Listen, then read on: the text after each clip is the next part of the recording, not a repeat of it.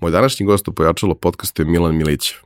Mnogi od vas, naročito oni koji su duže na internetu, ga znaju po nickname Zrenjaninac koji ga koristi gotovo svuda.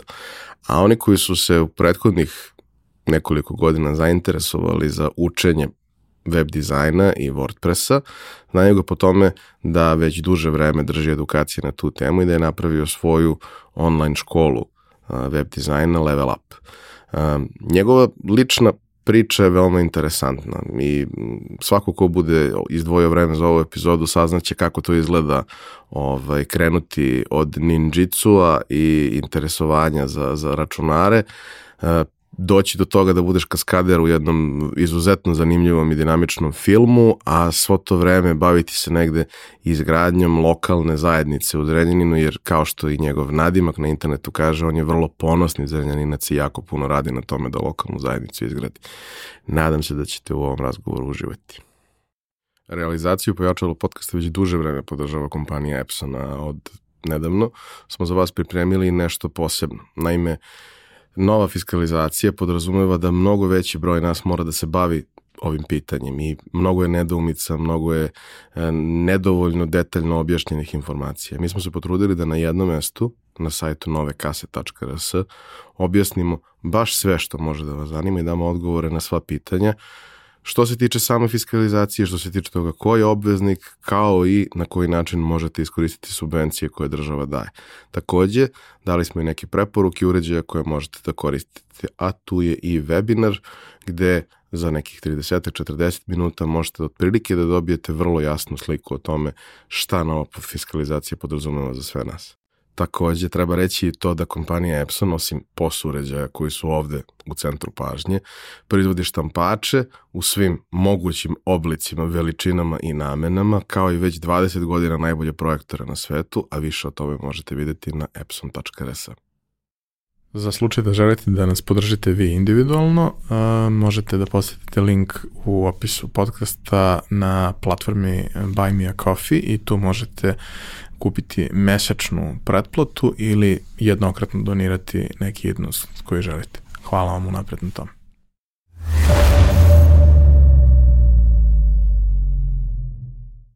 Milane, dobrodošao. Ti si ovaj, jedan ovako mlad čovek eh, koga ja znam duži niz godina, ko radi razne neke zanimljive stvari i kroz, kroz godine radio razne neke čudne, interesantne stvari. U principu, po svim kriterijima ti se uklapaš u diagnoze koje su neophodne da bi mogao da budeš gost u, u pojačavu. To je da si imao jedan vrlo kompleksan a, lični razvojni i profesionalni razvojni put, da si imao mnogo različitih interesovanja, ono što je kod meni jako drago gledajući te sa strane svo to vreme, da si ti jedan od redkih ljudi koji je uspeo da usmeri tu svoju energiju i svoje interesovanja, obuzda sebe i nađe baš ono nešto u čemu će najviše da se izrazi.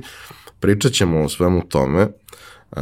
za početak svakako hvala ti što si došao, hvala ti što si učestvovao u našoj novogodišnjoj ovaj, akciji gde, gde si dao popust na, na svoj kurs koji je zaista, zaista sjajan i stvarno ga svima preporučujem.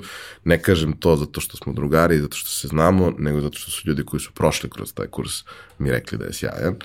Da, ovaj, i, i, I nemam razloga da ne verujem, jer su to ljudi koji su nakon toga sebi rešili neke probleme mm -hmm. znanjem koji su ovaj, na, na kursu stekli. Uh, ali kao i svaki razgovor u pojačalu i ovaj počinje onim istim mančmelo pitanjima, to je šta ste budeš kad porasteš? Oh, pa nekako, jedan od najvećih želja mi je bilo da budem glumac. To mi je bilo onako, neka želja, bio sam čak i u nekom momentu član dramske sekcije i razlog tome je najveći bio zato što ako imam jednu fobiju u životu, to je monotonija. Ono, ne bojim se visine, dubine, zmija, paukova, bar ne da imam neku fobiju koja mi je poznat, ali monotonija nekad to, to me, od toga imam strah i ta glumačka karijera mi je se delalo kao nešto što danas si doktor, sutra si pilot, tako razne stvari si mogu da probavaš i ta neka različitost i kreativnost me je nešto što me privuklo u tom momentu osnovne škole. Tako da, eto, glumac. A šta se dešavalo u, u, u tom nekom prvom periodu kada se susrećeš sa, sa ajde, nazovemo to tako, sistematizovanim znanjem? Mm -hmm. Svi smo se mi negde, ovaj, svi smo imali te neke momente, ono, pre škole, da se mm -hmm. zatelebasamo u neke dinosauruse mm -hmm. ili u neku dečiju enciklopediju, nešto. Mm -hmm. Ja i dan danas tvrdim da 80% stvari koje znam sam naučio iz dečijeg saznanja pre osnovne škole. Ovaj, ali kao tad se prvi put srećeš sa prvo sistematizovanim znanjem iz različitih oblasti, drugi, drugo sa gomilom oblasti gde sad mm. više ti ne biraš ono što tebe interesuje, nego ima sve što, kroz šta moraš da prođeš, mm -hmm. pa prolaziš i kroz stvari koje te možda na prvi, prvu loptu ne interesuju, pa te neke možda zainteresuju, a za neke definitivno shvatiš da ne, ne, nikako. Šta je u tvom slučaju to bilo? Pazi, ako sve počinje drugi razred osnovne škole, ekskurzija na Koponiku u tom trenutku meni majka spakuje tri, uh, pet konzervi Coca-Cola, jedna konzerva je koštala 3, 3,5 dinara. To onako otkriva koliko sam ja u stvari imam godina, koliko se zove i sedim sa drugarom u sobi i on kao, ja opij mi se Coca-Cola, ići ću dole do lobija, kao, tamo je 5 dinara Coca-Cola. Ja u fazon, ne možeš da dole, ja ću ti prodati za 5 dinara. I ja sam im tako dan za danom prodavao kako se zove. I kažem, što je onako, tu sam ono prvi put a, pokazuju interesovanje za prodajom i za tim stvarima, s obzirom da mi majka trgovac, kao imam i od koga to da, da, da, da nasledim. Kako se zove, tako da, a, šta znam, tu pogotovo kraj neke osnovne škole, početak srednje sam krenuo se priključujem različitim grupama, na primjer bio sam i volonter kancelarije za mlade, čak mislim da sam bio prvi član kancelarije za mlade u Zrenjaninu i na primjer i tu smo, gledao sam kad god sam imao prilike da pristujem tim nekim van nastavnim aktivnostima. Tu smo imali super radionice i za javno govorništvo i za pisanje projekata i mislim kasnije sam u momentu ja držao radionice kao zainteresuje me pravljenje origamija, ja to kao znam već dobro da pravim, kao napravimo radionicu za origami. Znači, to su neke čak prve stvari gde sam ja krenuo da ja kao držim predavanja i imali smo i gomilu nekih aktivnosti, tako da i bio sam okružen, kako se zove, nekim dobrim figurama u tom mom odrastanju, ponajviše možda na treningu i tu sam onda krenuo da, da čitam neke knjige koje su ono sad kao popularna psihologija u tom nekom smislu, tako da tu sam se nekako izgradio uh, sa strane ono kao van. A što, što se tiče kao i srednje škole i fakulteta, obe sam upisao ono kao na blef, ono kada sam završio elektrotehničar automatike, sam bio u srednjoj, Uh, kao, mislim, ja da sjelicu znam da zamenim, kako se zove, a na fakultet sam kao informatika, kao zanimljiva mi je informatika, pa, pa, informatički neki smer. Ali, ali tu sam imao veliku sreću da krenuo sam da, da učim kao pravljenje sajtova HTML, CSS, Dreamweaver i sve to i kolega jedan mi je prišao da kao, ja otvaram web dizajn agenciju. Kako, druže, ti imaš ono kao, krenuo si na ekonomski fakultet, ja znam, ja krenem da učim to, to treba da se uči, uči. Ne ima kao neka džumla, kao, znaš, ja ću to. Kao, ajde da mi se priključiš, da prodaješ, da budem kao komercijalista. Prvo, može, može. Jako malo sam ja bio komercijalista, veoma brzo sam ja prešao da tu, ja i on pravimo sajtove i to je eto bilo neko, na primjer, čak i prvo zaposlenje neko moje. Dobro, vratit ćemo Da, zato vidim da sve. da sam krenuo da idem. Ali, ovaj, pomenuo si sport. Mm Mm -hmm. I uh, imali smo naravno dosta do sad uh, ljudi koji su kojima je jedna od značajnih komponenti u, ili u životu celom ili u, makar odrastanju bila to da su prosto deo nekog sportskog kolektiva, jer sport te nauči mnogim stvarima. Ako, ako nič, ničemu drugom, onda ono, neko istrajnosti, jer ako -hmm. nema istrajnosti ne postoji nikakav rezultat i to sve. Ali uh, u većini sportova stvari su malo drugačije nego u sportu u kome si ti bavio. Za početak u većini sportova postoji takmičenje mm -hmm.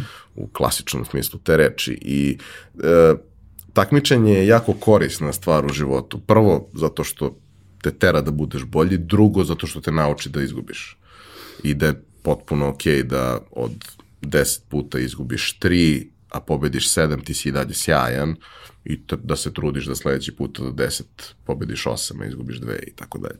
I da šta god da se desi u principu nije strašno jer sledeće nedelje ili sledećeg dana ima nešto novo što se dešava. Međutim, tvoja sportska priča je malo drugačija, pa ako bi mogo malo da vas uvedeš. Naravno. A, početak osmog razreda, tu sam već a, krenuo da, teo sam da treniram nešto, i ono, interesuju su me bolivačke veštine i za malo da krenem na neke druge, ali sam na kraju završio na ninjutsu i eto od 2000. Evo ove godine će biti 20 godina kako treniram ninjutsu i ono, odgovorno mogu da tvrdim da upravo ninjutsu je razlog broj jedan, ono najpozitivnija stvar koja smatram da mi se desila u mom ličnom razvoju, pogotovo taj pubertet koji je onako turbulentan, a, stvarno mislim da me on pomogao da se izgradim onako što stabilniju neku ličnost, a, pogotovo što sam tu bio okružen gomilu nekih fenomenalnih ljudi. Ninjutsu kao takav, budući da kao nije sport, nego borilačka ili preciznije rečeno ratnička veština, nema takmičenja i stvarno smatram da takmičenja imaju jako puno dobrih stvari, jer ono kao, znaš da moraš da se pripremiš za fiksan neki datum i to te motiviše da kao, ej, ne mogu da odložim sad za dve nedelje, ali tako nešto. Ali sa druge neke strane mene medalje i takmičenja nisu me ono nisu mi ništa značila preterano tako da sam se odlučio za ovako nešto plus mislim scena kada svi u osnovnoj školi igraju fudbal ja i moj najbolji drugar nađemo dva štapa i mi se samo mačujemo tamo kako se zove po, po dvorištu tako da sam shvatio da ti neki sportovi sa loptama nisu nešto što su mi privlačili, bolilačke veštine definitivno jesu i tu sam eto imao prilike da da se izgradim. Tako. A kako funkcioniše, kako, kako je organizovan sistem, uh -huh, uh -huh. kako se napreduje, kako su organizovane upoznavanja, druženja, uh -huh. pošto mislim da je uvek to uh -huh. u svim tim, uh, da kažem, pa borilačkim veštinama uh -huh. i, i, i sportovima, taj neki deo upoznavanja, -huh. druženja, gde se ljudi uh -huh. skupljaju iz cele zemlje, iz regiona, gde ono uče jedni od drugih, gde se ide na nekakve master klasove, gde se putuje po, po inostranstvu, da se doživljavaju neke zanimljive stvari, upoznavaju neki sjajni ljudi, da je to kao jedan od najvrednijih delova celog iskustva. Apsolutno, apsolutno je tako. Mi u suštini, znači ninjutsu, on, svi su kao čuli za ninja, mi imamo tu organizaciju koja se zove Bujinkan i njen ono, kao HQ je u Japanu u Nodi i generalno postoje klub, Bujinkan klubi po bukvalno celom svetu i u Srbiji ima jako puno klubova i ono, mi imamo pojaseve, nemamo kao u karateu ili nekim sličnim borilačkim štinama kao po bojama, nego imaš Q, krećeš od desetog, prvi put položiš za deveti i tako ideš na dole, nosiš zeleni pojas, samo zeleni pojas, uh, i onda prvi Q, godin dana si majstorski kandidat i onda položiš za, za crni pojas. Ima koji se zove dan i onda ima 15, mi imamo, većina borilačkih ština ima 10, mi imamo kao 15 tih danova, što onako šta ja znam, kad dobiješ crni pojas, ja sam mislim da sam u trenutku kad sam ja postao crni pojas, da sam bio najmlađi u Srbiji, uh, u tom trenutku posle je bilo uh, ljudi koji su mlađi bili od mene, ali ono, to je bukvalno polazna tačka da tek sada znaš neku osnovu i krećeš polako da dublje istražuješ. Ja volim da kažem ono kao, mislim, to je jako stara bolilačka veština i ja više volim da kažem da se mi bavimo izučavanjem toga nego treniranjem, jer bilo ko, jedino MMA borci ili neko ko ono aktivno trenira dva puta trening, ima posebno nutricionistu, posebno trenira samo za njega i to mu je profesija. Ne može on da se meri sa bilo ko od nas ko rekreativno trenira a, tri puta nedeljno ili da se zanosimo takvim stvarima.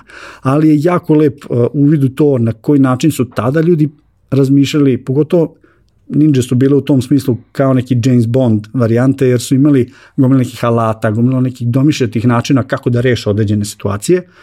I meni je tu privuklo što imaš i udarce, i poluge, i gušenja, i bacanja, i pogotovo oružje. I onako jednostavno mali je život da, da, da, da prođeš sve to. Ima jako puno seminara, što u državi, što van države, i ono što je meni jedna od najmljenijih aktivnosti jeste kamp. Svaki godin se organizuje ninjutsu kamp gde odemo u prirodu, imamo nekoliko puta dnevno treninge, uh, razapnemo čak i poligon, zipline, gađanje lukom i strelom, šurikenima, noćni treninzi, orijentiring, bronjenje isto uključujemo, uh, ono, pentranje raznorazno, spuštanje s konopcima, tako da jako puno uh, bude aktivnosti za tih 7 do 10 dana kad kako bude. Tako da, eto, kampovi i seminari su neki naši načini da se, da se dodatno povezujemo i družimo. Postoji tu, pored tog nekog aspekta treninga, učenja, veštine i svega toga, jel postoji neka psihološka komponenta koja koja je značajna, na kojoj se radi? Pa, apsolutno da. E, pogotovo što nekako za ninjutsu je možda karakteristično ti kada naučiš kako se kao radi nešto, jedna tehnika, dođe neki majstor, promeni dve stvari i ti si opet na početku i kao sve što sam do sada znao uopšte nije tako. E, tako da stalno imam osjećaj taj da kao da se stalno vraćam na početak što smatram ono kao dobru, dobru stvar i ono što je mislim tačno za većinu borilačkih veština je da uvek ima neko jači e, i da ti sad nikad tu nećeš izaći na, na nekom vrhu i s obzirom da mi nemamo e, takmičenja, treba biti uvek spreman za sve i nema pravila, tako da čak i neko ko je, ko je slabiji od tebe može da te povredi, uh, isto tako i u obrnutom uh, slučaju. Ali stvarno donosi, uh, trener božićkih veština m, i meni donelo da nema uopšte potrebu da sad ja se, ja nikad nisam bio do duše u tuči i bio sam gomilo puta blizu, ali ljudi nekako, ja kažem, budale su kao psi, naniše strah. I uvijek su se hvatali za neke moje drugare, ja nikad nisam bio a, predmet neki da, da, da, da, da uđem u konflikt s nekim, jer a, da tu dozu nekoj smirenosti i ja se dovoljno istreniram na treningu, nemam potrebe da tražim konflikt negde, negde van. A, tako da, a, eto. E, kaži mi sad, uh, taj ceo ulazak u uh, web i sa neke druge strane ulazak u, u, u fotografiju, uh, kako dolazi do toga? Odnosno, uh, je, da bi mogao da dođeš u, u, u poziciju za, za prvi posao o, o, kome mhm. smo, o kome si počeo da pričaš, a ja se zahvaljujem našim prijateljima iz poslovi infostu.com, jer to je njihovo uvek pitanje šta je prvi posao. Uh, kako, prosto, ono, u tom trenutku saznaješ i krećeš da učiš, jer mi pričamo o nekom periodu, ok, ja, ja volim da kažem, mi, mi smo stari ljudi, generalno, stariji smo dosta od ovih mladih što se sad pojavljuju i to sve. Tako, stari smo. Mo, najbolja stvar koju skoro sam uh, došao do, do, do to jednog uh, objašnjenja, a opet je sportska analogija, tako da će verovatno onima koji ne vole sporta slušaju ovo se smuči život kad ja to kažem, ali kao, šta je vaša najveća prednost osim toga što imate 300 godina i, i mnogo iskustva i to sve? pa uh, ne skačemo više na finte. kao prošli smo tu fazu, ono više, više ne skačem na glupe finte. Jer ti sad kad vidiš ono bukvalno čak i na tom našem ono, subotnjem basketu na, kome, na kome se ovaj, skupimo, to ima svih generacija. Ima nas bukvalno razlika u godinama, može bude 30 godina između ljudi koji igraju. Imaš klince koji fizički, atletski, ne, pa ne možda im pariraš, nema šanse. Ali nisu igrali ulicu. Nisu igrali 20 godina ulicu. Oni padaju na te fore kao ništa, jer jednostavno se nisu sretali sa tim. Uh, u tom periodu kada, kada si ti počinjao i prilike kada sam i ja negde počinjao malo pre toga, znanje nije bilo u izobilju, nisi mogao do njega da dođeš na tako jednostavan način. Drugo, stvari su bile kompleksnije. S jedne strane nije bilo znanja, s druge strane nije bilo ni alata toliko sa kojima ti nešto možeš da, da, da uradiš, da sebi olakšaš, da napraviš neko rešenje. Kako si ti uopšte ušao u to? Kao što sam rekao, volim da, da se priključujem tim van nastavnim aktivnostima, tako da kad sam se upisao na fakultet, učlanio sam se u studentsku uniju i u tom momentu je 2007. Ja definitivno smatram da spadam u tu kao drugu generaciju ljudi na, na, na IT sceni kod nas. Uh, ja, ja sam već 2007. teo da idem u penziju. da. Uh, u suštini, ja u tom momentu nisam imao ni, kao meni je internet sada sve, uh, i, ali u tom trenutku ja nisam imao internet kod kuće. I onda odem u studentsku uniju, otvorim blog od Vargića, otvorim blog od Istoka, CTLS, sačuvam celu HTML stranicu, na USB i kako se zove, i to bude gomila, gomila, gomila tekst, i onda kući otvorim taj HTML bez interneta, kako se zove, i onda čitam. I tako sam dugo, dugo čitao.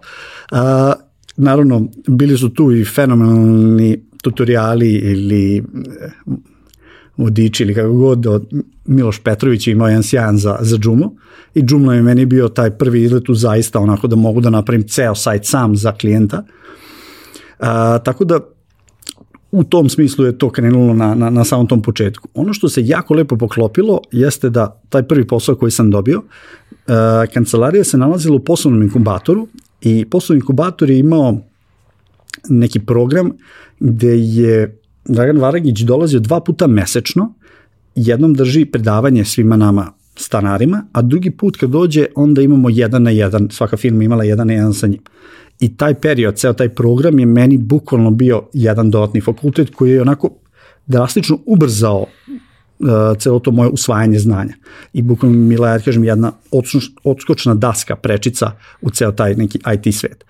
Uh, I tu se onda, ja sam bukvalno završio taj tutorial od Miloša, kako sam završio tutorial, tako sam uzao telefon, nazvao kuma, kume, ti radiš u tvojoj prodavnici autodelova, sajte me krš, ja ću da napravim bolje. I samo može, može. I spustim, i onda sam tako krenuo da, da, da radim sajtove. Prvo da na, nakupim za neki portfolio i posle je tu krenulo već da bude i plaćenog posla i ta agencija sa mislim, iako to ne zvuči kalendarski tako davno, ali mi smo pola sastanaka provodili da objasnim. kako nije davno, to je 15 godina. Da, nama kao... nije davno, nama nije davno jer smo mi to proživjeli, ali ti, kad, znaš, mislim, da. ono, skoro mi se desilo da, da ovaj, um, upoznam devojku odraslu, mm. ne, znaš, ne, da još provališ nikoliko ima godina, no. Da. ni bilo šta što nosi sa sobom određeni mm. niz potencijalnih problema, koja kaže, e, ja sam 2007. Kao, e, e. Da, da. U mojoj glavi 2007. je da, ono, da. 60 cm ne vidi preko ivice da. stola. Ali da, da, da ostvari. kaže Balašević, sećanja su dobro dok su od prošlog četvrtka, kad krene 10-15 godina, to je da platimo pa da Ja i dalje mislim da, da, da. se Mijatov penal desio pre 5-6 godina i dalje ta trauma da. postoji. Da, da, to će uvek tako. Tako da to je ono dosta, dosta strašno. Da, A, A, tako da pola vremena smo se mi s klijentima poredeš na sastanku da objasniš šta je sajt, šta je internet, zašto je to nešto što dolazi i zašto treba sada da iskoriste tu priliku, a onda drugi deo sastanka zaista pregovaraš o, o samoj, samoj usluzi. Tako da je, to je bilo jedan period edukacije klijenata i ja sam rekao daj samo što više konkurencije da imamo, jer ovo je ćemo jako teško mi sami da, da edukujemo naš grad. A, tako da...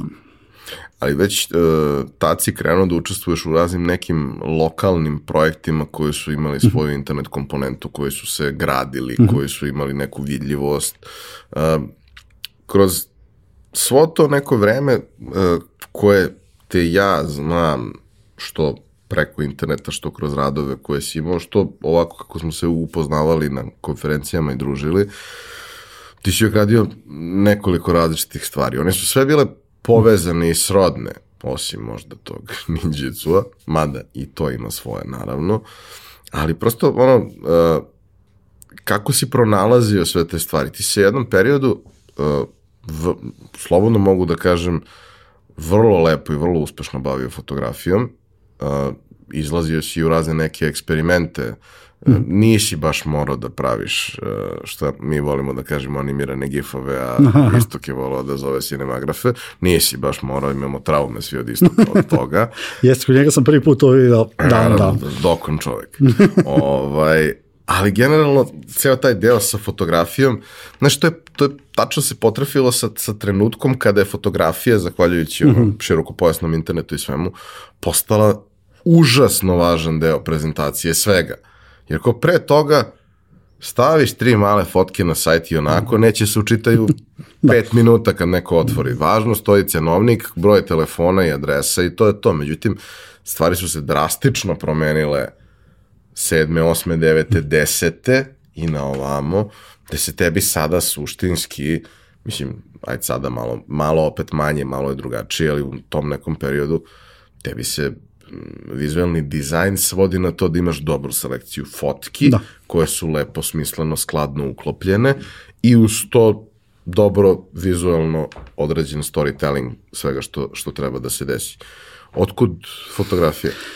I kad? U suštini, uh, da, to je bilo 2011. možda, ja mislim da, da je bilo, da sam zvanično kupio svoj prvi DSLR aparat. Um, nekako kroz, kroz web dizajn se desilo to da veoma često mi klijenti dođu kao, ok, imamo sajt, e sad treba da imamo galeriju ili proizvod ili interijer da se uslika ili hrana, što je bio moj najminenija vrsta fotografije.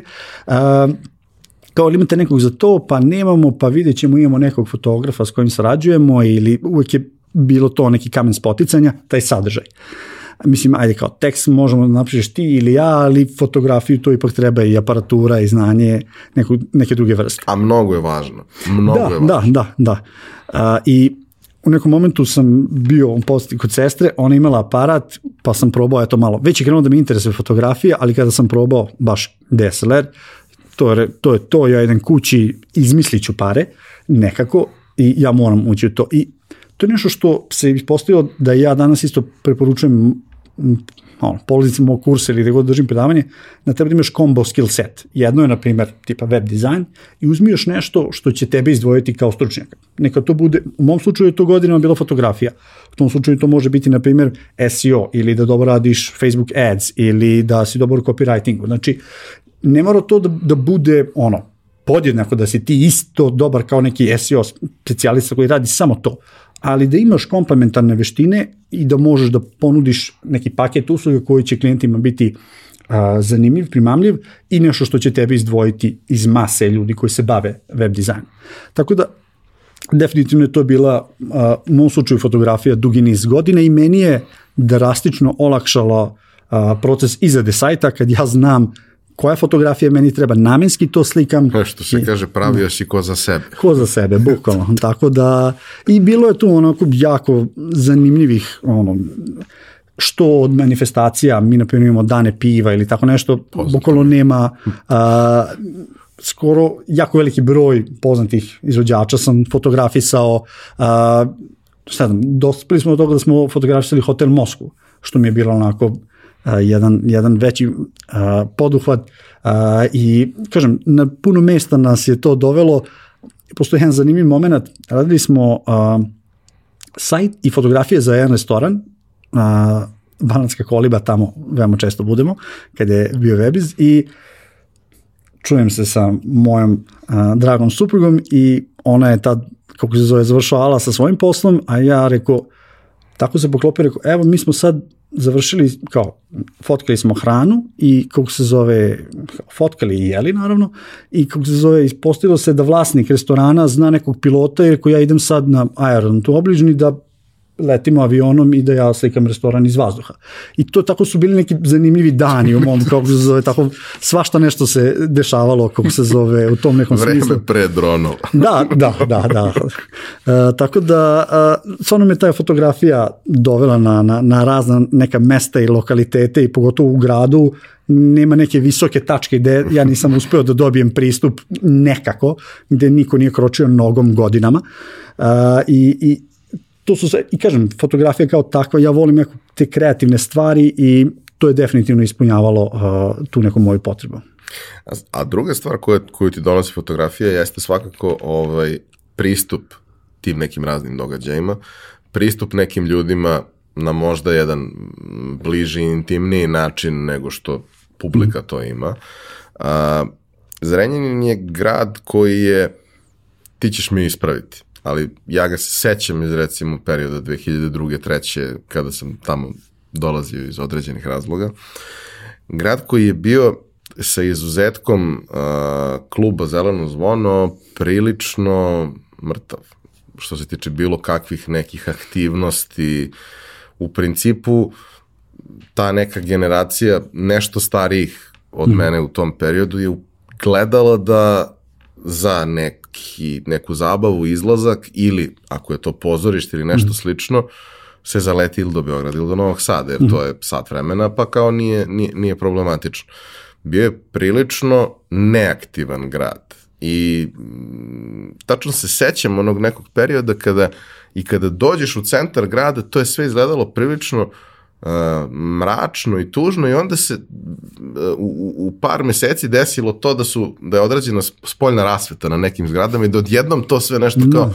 postalo aktivnije, da su ljudi tu krenuli da se, da se skupljaju, da, da, da, čini mi se da je tada negde bilo ili leto i proleće, šta već, onda one bašte kafića mm -hmm. na trgu, pa bu, bude puno, pa bude lepo, pa dan i piva, pa je to aktivnost koja, koja je stvarno bila ono jako, jako zanimljiva u tom periodu, osim činjenice da, da, da drugog dana više nema gotovo ni jedno pivo, pa se pije šta ima, ovaj, ali stvarno, stvarno je bilo uh, tih nekih zanimljivih momenta, ali generalno se nije previše toga dešavalo. Mm -hmm. I sad u tom periodu kroz koji ti prolaziš sad vrem, na vremenskoj mm -hmm liniji, taj grad je drastično oživeo. Kroz razne neke izuzetno zanimljive stvari, a ti si, čini mi se, osim ono uh, svedoka koji je bio tu, bio učesnik u većini mm. tih stvari na neki način. Uh, volao bih da kažeš nešto malo više o tome, jer to je ipak tvoj grad mm. i grad u kome si ti i dan danas u kome si odlučio da ostaneš iako si sigurno imao mogućnost da odeš, ove, kao i svi ljudi koji se bave mm. ovom nekom našom strukom. Um, šta je to preporodilo Zrenjanin i ko su ti neki ljudi, događaji, momenti, šta je to, šta su neke najvažnije stvari koje su se dešavale? U suštini da, mislim Zrenjanin je ono, pati od ni, to, tih nekih simptoma manje grada, a, gde pogotovo zato što smo, to je naše i prednosti malo što smo blizu i Novog Sada i Beograda, pa jednostavnom gravitacijom odvuče jako veliki broj mladih, ali sa druge strane je život mnogo, bar meni, uh, draži, lakši i konforniji u malom gradu i ono, ja zaista jako volim Zrenjanin i ono, moj ono, handle, ono, et, svuda je Zrenjaninac. I jako, jako se to lepo uh, primetio, gomila nekih sitnih stvari se, mislim, ključnih možda, stvari su se desile tih godina da smo dobili, ja jako volim tu rasvetu koja je on, oživela te neke zgrade koje su zaista prelepe i sada su tek došle do izražaja, bilo da je to zgrade ili na primjer čak i most mm. neki. A, I ono što isto mislim da je jako bitno da imali smo dva problema u Zrenjinu. Jedan je da se ništa ne dešava, drugo kad se nešto napravi, niko ne dođe. I jako je bio ta, taj, jako često si mogao da čuješ na ulicama Zrenje mrtav grad, ovde se ništa ne dešava. I to je stvarno takav je bio vazduh, ono, ta, svi su to govorili, svi su to mislili.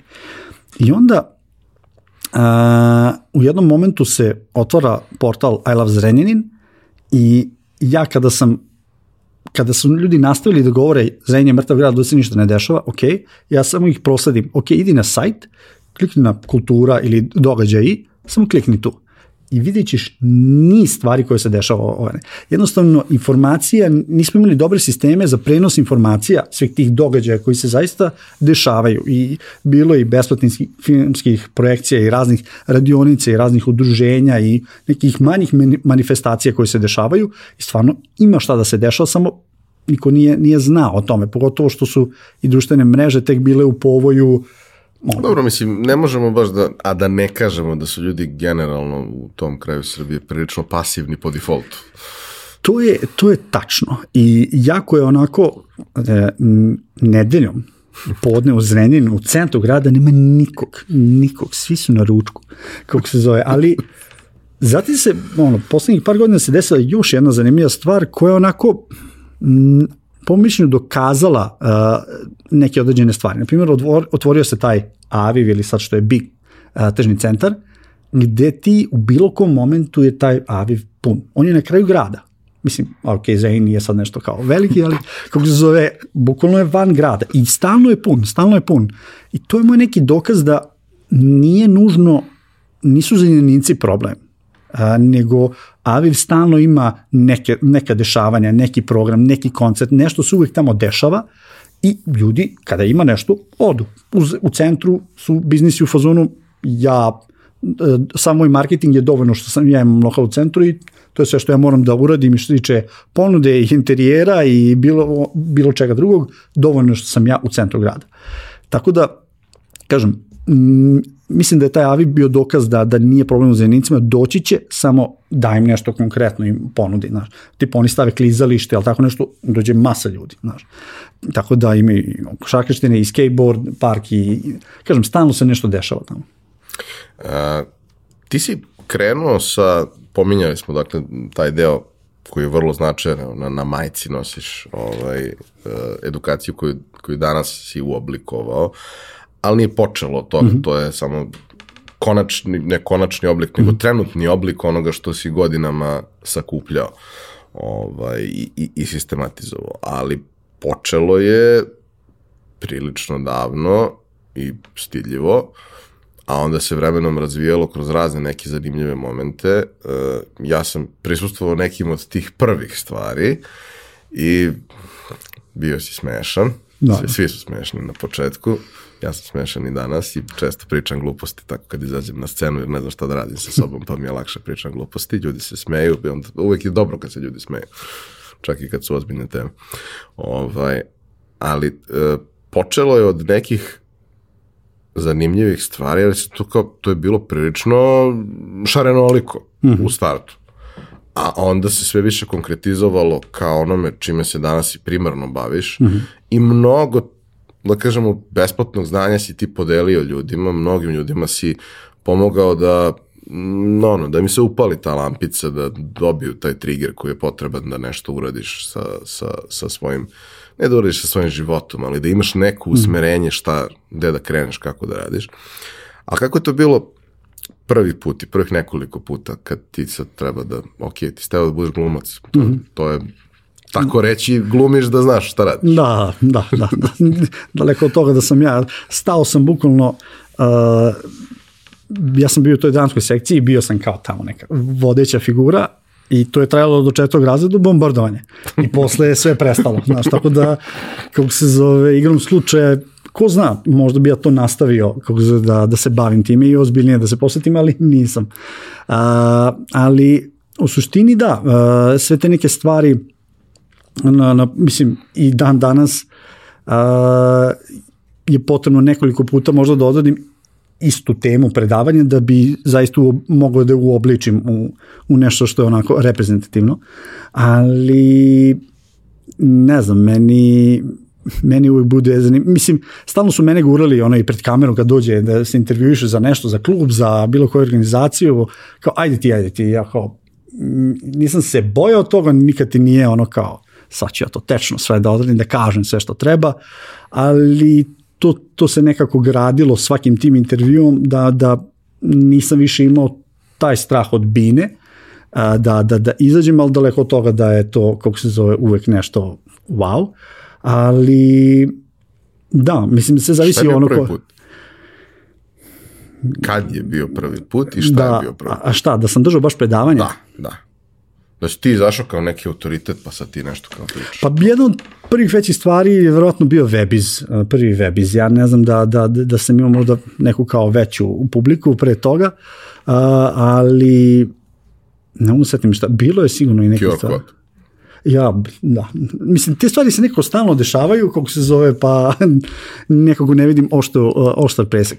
Mi smo u jednom momentu ja sam jako, ne bio ljubomoran, ali stalno sam govorio, ok, Beograd Novi Sad, je, ono, jako puno ljudi, ima puno stanovnika, normalno da se dešavaju stvari. Ali, kako onaj Bor, onaj Bor je mali grad, čoveče, ono, najveći broj ljudi u tom trenutku interneta je bio kao Bor, Bor, Bor, mislim.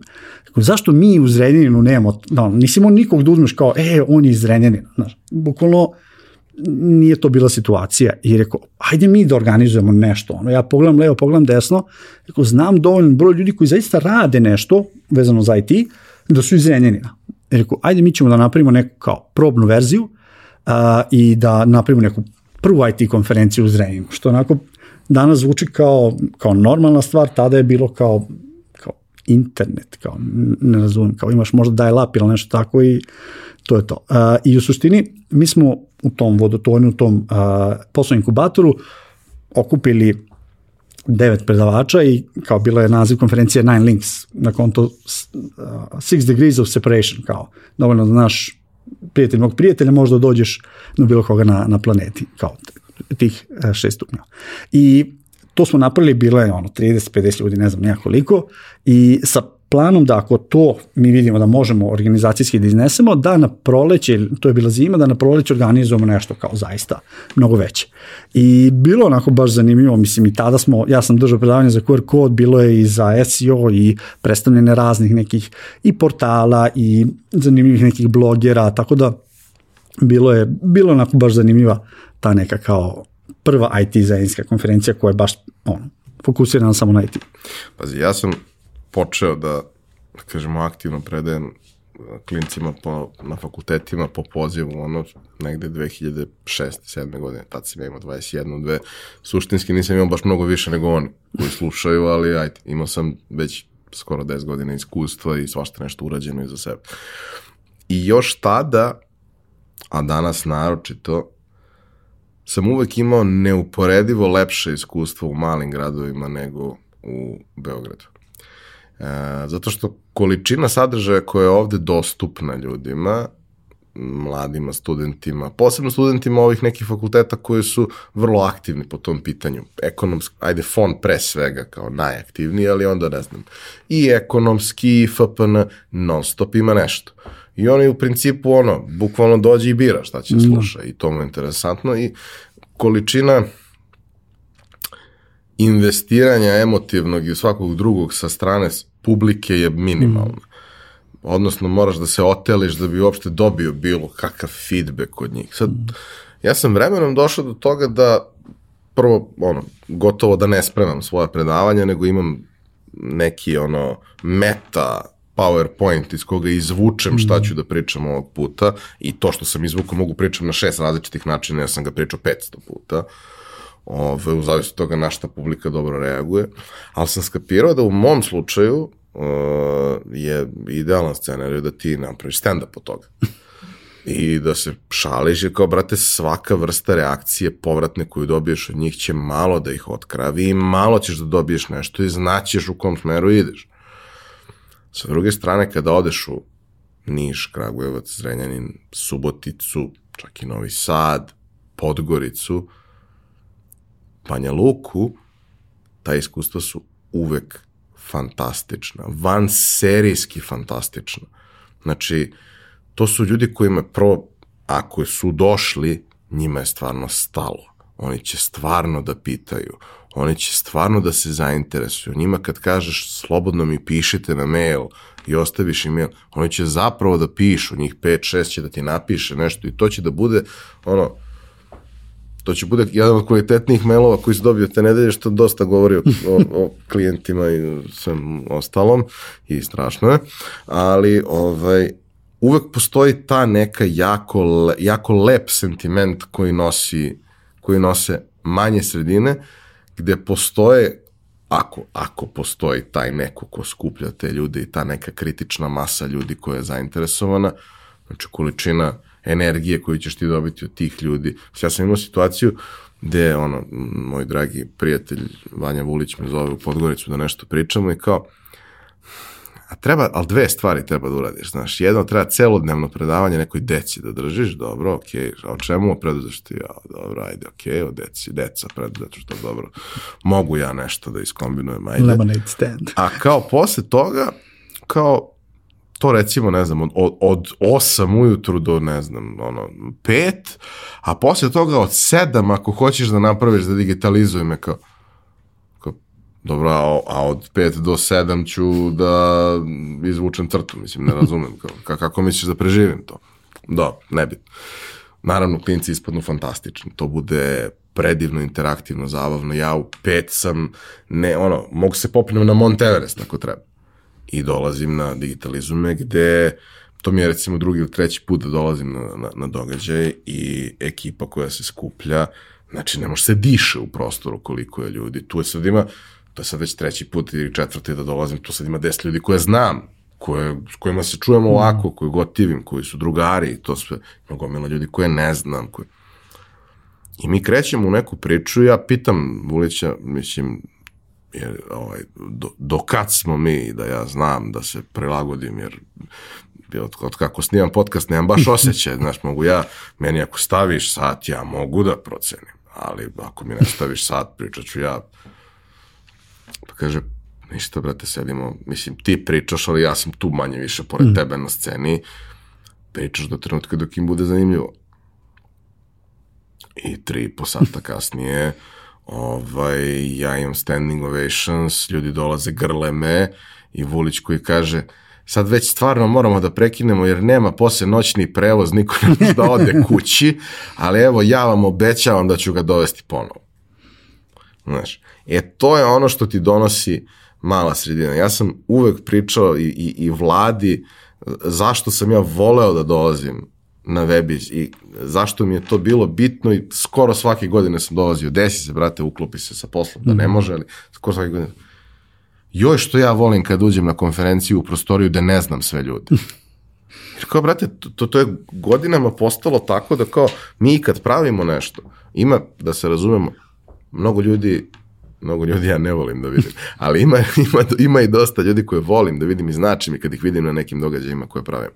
Ali mi je strašno kada shvatim da sam ono, ne znam, išao na 10 događaja i da je e, broj ljudi koji je isti na tim događajima 80%. Da, ne, brate, hoću neku mladu krv, hoću neku novu ideju, hoću neku novu inicijativu, hoću nešto novo da čujem, hoću neko novo dete da upoznam kome je stalo. Da. Hoću nađem nekog novog klinca kome je frka da priđe, ali će ipak da priđe jer mu je važno. Cvataš. E to sam uvek imao u Zrenjaninu i to mi je uvek bilo važno. I zato sam ja, inače nisam bio neki preterani ljubitelj grada iz različitih razloga iz prošlosti. Privatnih razloga. Privatnih razloga, jeli? Ovaj, ali sam počeo da ga volim zbog te neverovatno pozitivne i dobre energije koja je tu uvek bila. I dobro, uvek bude posle, uveče dobro zezanje i sve što uz to ide, ali, znaš kao, to je da, neverovatna vrednost, a to ne očekuješ od, od mm. okruženja koje je pasivno po defaultu. Ljudi koji neće pitati, ako, ako ne, neće baš pitati, da se ne ako baš ne, ne moram, ne moram ja, neko drugi će ili neće niko i nema veze, nije, nije bitno. Znaš, tako da s te strane mi je to, to, to, i mislim da si ti jedan od ljudi koji je jako puno uticao na to da se izgradi ta baza i ta kritična masa, koju je onda, ok, ono, postoji amplifikator, pojačalo, postoji pojačalo svega toga, ali ne možeš da pojačaš signal koga nema. Mhm. Da, da. Mora da postoji nešto, mora da postoji nešto da tinja i da neko to održava. I koliko god ti imao godišnji događaj koji je sjajan i dolaze ljudi da. i sve to, jednom to je godišnje. jednom godišnje. I, znaš, kao ja sam bio, jedna od stvari koju nikad neću zaboraviti, ljudi su često slušali, to i kod Galeba smo pričali, to Srđan i ja, kako smo išli kombijem na uh, MotoGP u Barcelonu i sad, ne znam iz kog razloga, ali verovatno zato što Srđan Erceg nije baš najorganizovanija osoba u poznatom delu svemira, ovaj, na putu ka tamo spavali smo u San Remu a na putu ka nazad spavali smo u kanu. Sad, zašto je Srđan izabrao dva jedina ono festivalska grada, ne znam, ali čoveče, San Remo, ne, San Remo nije grad. San Remo ne postoji. Nema nikog. Nikog.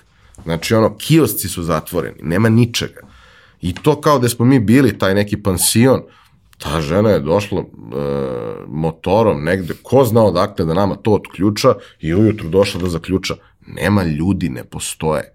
To živi verovatno tih par nedelja oko festivala i tu. Kan isto, ajde, nije. Kan je grad. Ali, ono, ne znam, mi smo, ajde, trebalo je relativno rano da krenemo dalje, jer trebalo se stigne nazad, to je 2400 km od Barcelone kombijem. Kao mi ujutro, znaš, ono, ne znam, 10 sati 9 sati, 10 sati, idemo na kafu. Nema nikog. Nijedan kafić ne radi. Našli jedan kafić koji radi, ovaj nas gleda kao neprijatelje, brate, što smo mu naručili bilo šta. I ti skapiraš da kao, ok, ono, uh, jed, jedna velika stvar godišnje nije dovoljno da taj da. grad ima dušu. Mora da postoji nekakav kontinuitet i nekakve stalne aktivnosti. E, kako ste gradili kontinuitet? Pošto se napravio sad jedan mali da jedno 15 minuta. Kako ste gradili kontinuitet i ko su bili ljudi koji su ključni i na koji način ste prosto sve to radili i uz podršku koga ste sve to radili? Pa kao što se naveo, ono, naravno Webiz je do tog momenta, od tog momenta bio onako jedan od bitnijih faktora da stavi zaista Zrenjanin na tu mapu internet Srbije, a, ali kao što smo ispomenuli taj portal I Love Zrenjanin, mislim da je on doprineo da i ljudi polako da rade tranziciju da od da ujutru čitaju novine nego da otvore neki portal. E, što je trebalo a, određeni niz godina da se desi, jer svi voli, kao, ja kad volim da otvorim novine, da se to čuje, da. A, ali a, definitivno su takva vrsta nekih a, projekata su uticala da, da, da digitalno opismenimo uh, našu sredinu. I to je ono kao ljudi koji čekamo smo mi. Mislim dok to nismo shvatili malo toga se uh, malo toga se promenilo. Tako da uh, bilo je tu kažem ima tu i nekih sitnijih stvari ali ovo su možda na, neke A ko su ti ljudi? Daj, daj neka imena, daj da im ono, damo malo pažnje, da, da, da malo bacimo ono, spotlight. uh, definitivno jedan od ljudi koji je čak i više zaslužan nego ja za takve stvari jeste ono kao Gruje, uh, Đorđe Grujić koji je vlasnik tog uh, portala i onako on ima tu energiju da, da, da gure i da iznese sve te stvari plus i iz svojih nekih prethodnih profesija zna jako puno ljudi u gradu, jako puno ljudi zna njega i imao je, kako se zove, ono, sve potrebne komponente da može da iznese. Jer bilo je jako puno tih portala koji su ono, nastajali i propadali i tako svaki godin imamo po jedno, dva, tri portala, ali on je maltene jedini koji je uspeo da se izgradi na tom nivou i gledajući, kažem, Zrenjanin kao malu sredinu, možda čak i jedan od najčitanijih portala on, kao po glavnih stanovnika, ako uzmemo ili tako neke statistike. Uh, tako da, ono, i meni je, na primjer, meni je jako puno znači u mom profesionalnom razvijenju upravo on i ono poverenje koje mi je pružio uh, jer ono u tom trenutku ja sam klinac koji je ono prva, druga, treća godina fakulteta uh, i ja sam tada imao neki moj lični projekat kao Zrenjski jelovnik, gde sam ja a, kao okupljao, odem, uslikam jelovnike i okočim na, na, na sajt. To ovi vlasnici lokala ni ne znaju.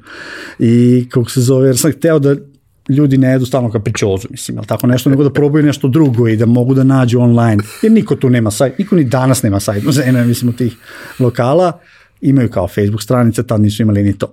I ja skontam da u Zrenjaninu nema puno ljudi koji se bave IT-em, ono, pikiram njega i kažem, iako ja nisam taj lik koji on kao prilazi, ali kao, hej, čao, vidim da radiš kao cool stvari online, e, ko, mislim da bi kao bilo super da se upoznam. I on kao, da, naravno, dođi, e, mi se upoznamo, ja mu pokažem to sve što sam radio, on kao, ej, super, taj je portal bio možda 5-6 meseci star. I kao, ajde kao, dođi ti da malo pogledaš taj portal, da, da možda ga održavaš i tako ja polako krećem u celu tu priču sa, sa, sa njim. Uh, što kasnije se iz tog portala oformila uh, ekipa ljudi i onda nastala ta Progressive Media koja je firma koja je stajala iza toga i ja sam tu radio eto neki 7-8 godina sam ja tu bio kako se zove deo, deo te ekipe. Uvek mislim da je jako važno da imaš nekakav projekat koji je dovoljno kompleksan i dovoljno ti je bitan i važan da bi mogao da se usavršavaš. U mom slučaju, ja sam imao burek i nisam ja želeo da naučim stvari, ali nije imao ko, pa sam morao ja da naučim ili neko od najbližih prijatelja koji su u tome pomagali.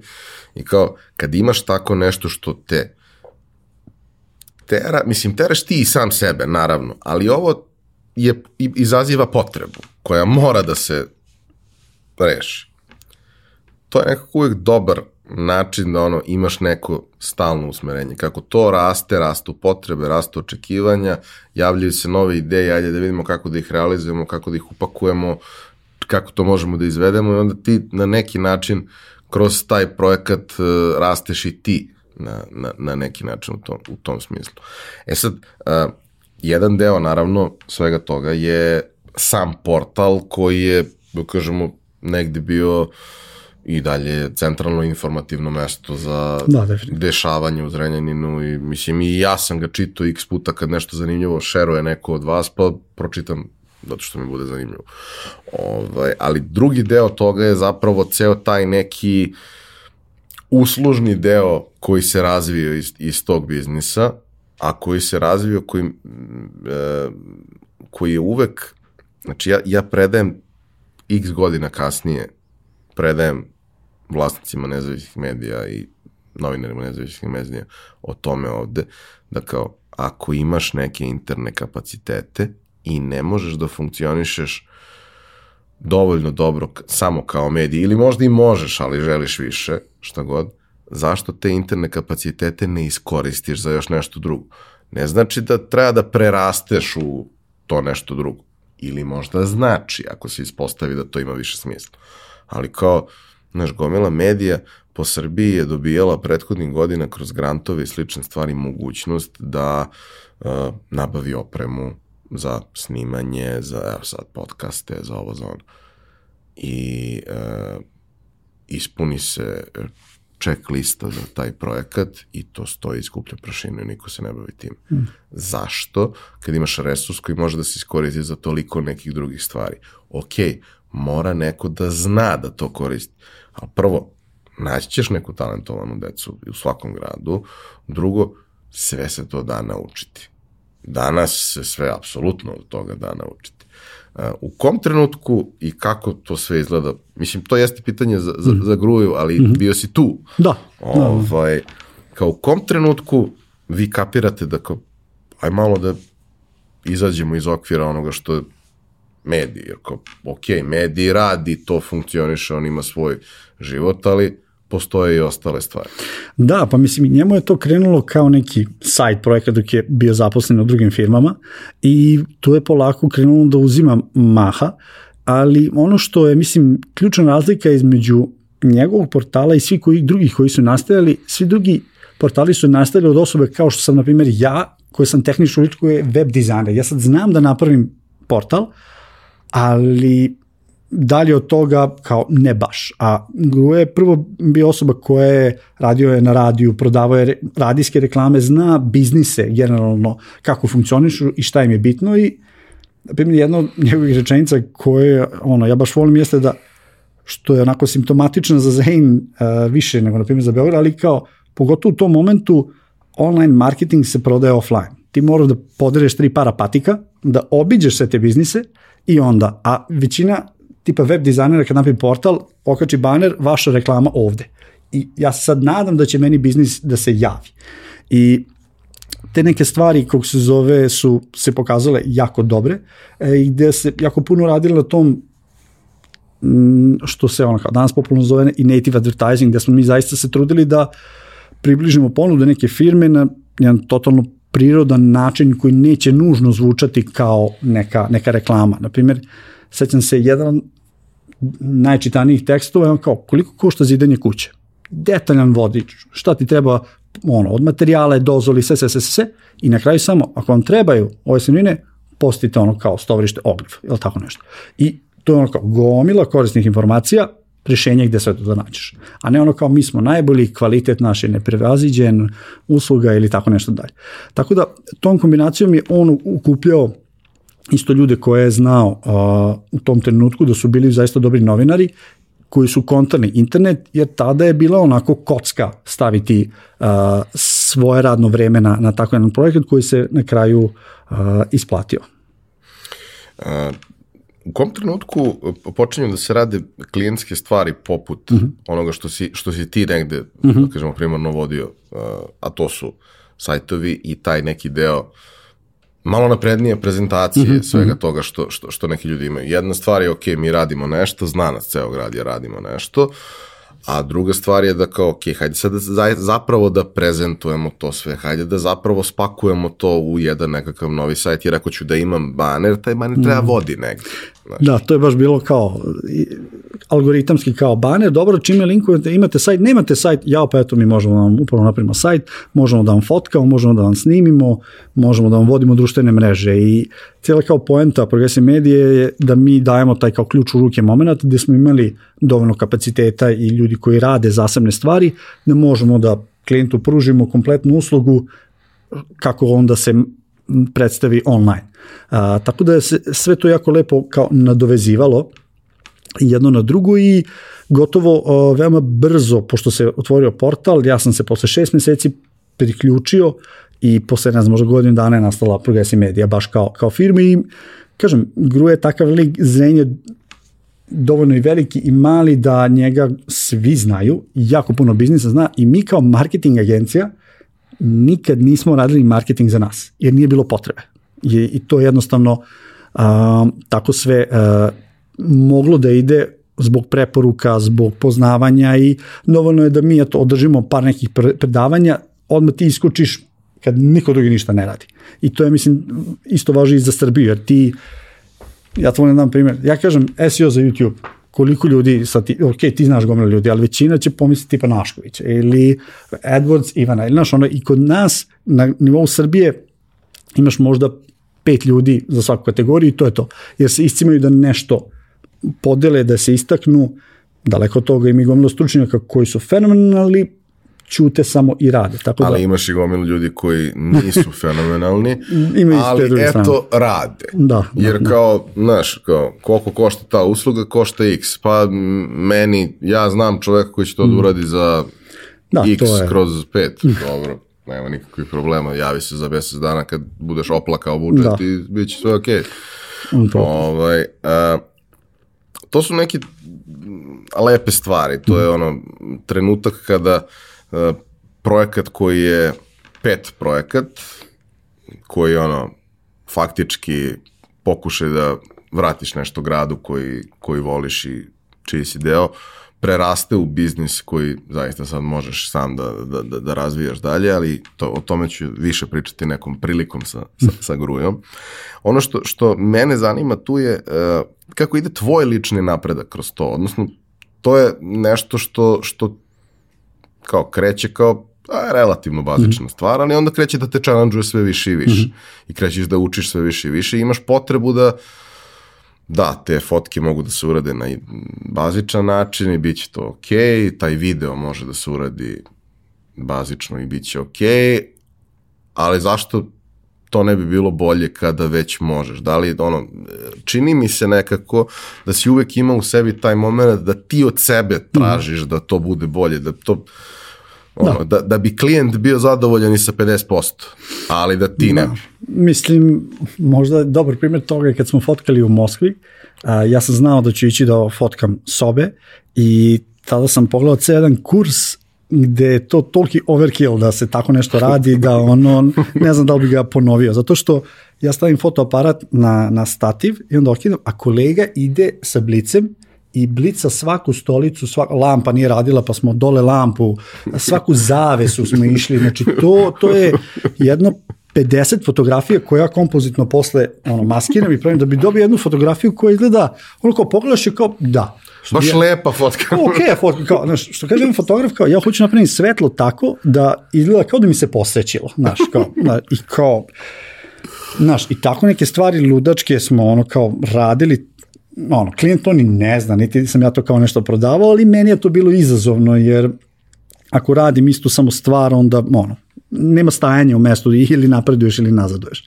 A, tako da, mislim, tu se razne neke stvari provlačili, ta si 360 fotografija i ti animirani gifovi, što ti kažeš, ti cinemagrafi, a, da, da, koji su onako i meni pomagali da ja možda se pozicioniram kao neka osoba koja možda prati trendove ili uh, ono, da imaš nekog klinca, ne moraš ti da pratiš trendove, on prati to za tebe i on će ti pomoći da tvoj brand bude percipiran kao inovativan, kao kreativan. A, tako da, ali kažem, sve te neke stvari naravno u mom slučaju prate i alate, kako se Joomla sa Joomla na WordPress, pa sa WordPressa razni page bili razvijali, tako sam se ja trudio da pratim korak uz korak. Ono, treba zaista postati, aj kažem, ekspert za tipa jedan page builder, ali uvijek gledati na horizontu šta novo dolazi i isto tako sam ja nevoljno prešao na, na WordPress, koristio page builder, pa nevoljno prešao na drugi i nikad nisam pogledao nazad, ali treba uvijek gledati I šta je. vidite danas. da, tako da, kako se zove, i to je čak ono ime taj kao first mover advantage fazon gde, na primjer, za te cinemagrafe izašao je taj program, taj Flixel, a, koji sam ja koristio i veoma često sam kao bio featurean u top 5, tipa ono, nedeljno je to bilo i, i kasnije mesečno, tako da zato što nije bilo jako puno ljudi koji se time bavili, kako se zove, što sam ja svestan toga i ja sam teo to da, da, da, da iskoristim. I eto, taj moment da sam ja radio sinemagrafe, ka, kasnije me donela fenomenalnu saradnju sa Diamantom, gde smo radili niz jako, jako lepih sinemagrafa, najviše lepih, zato što smo imali posebno ono, zakupili smo restoran, zakupili smo dva kuvara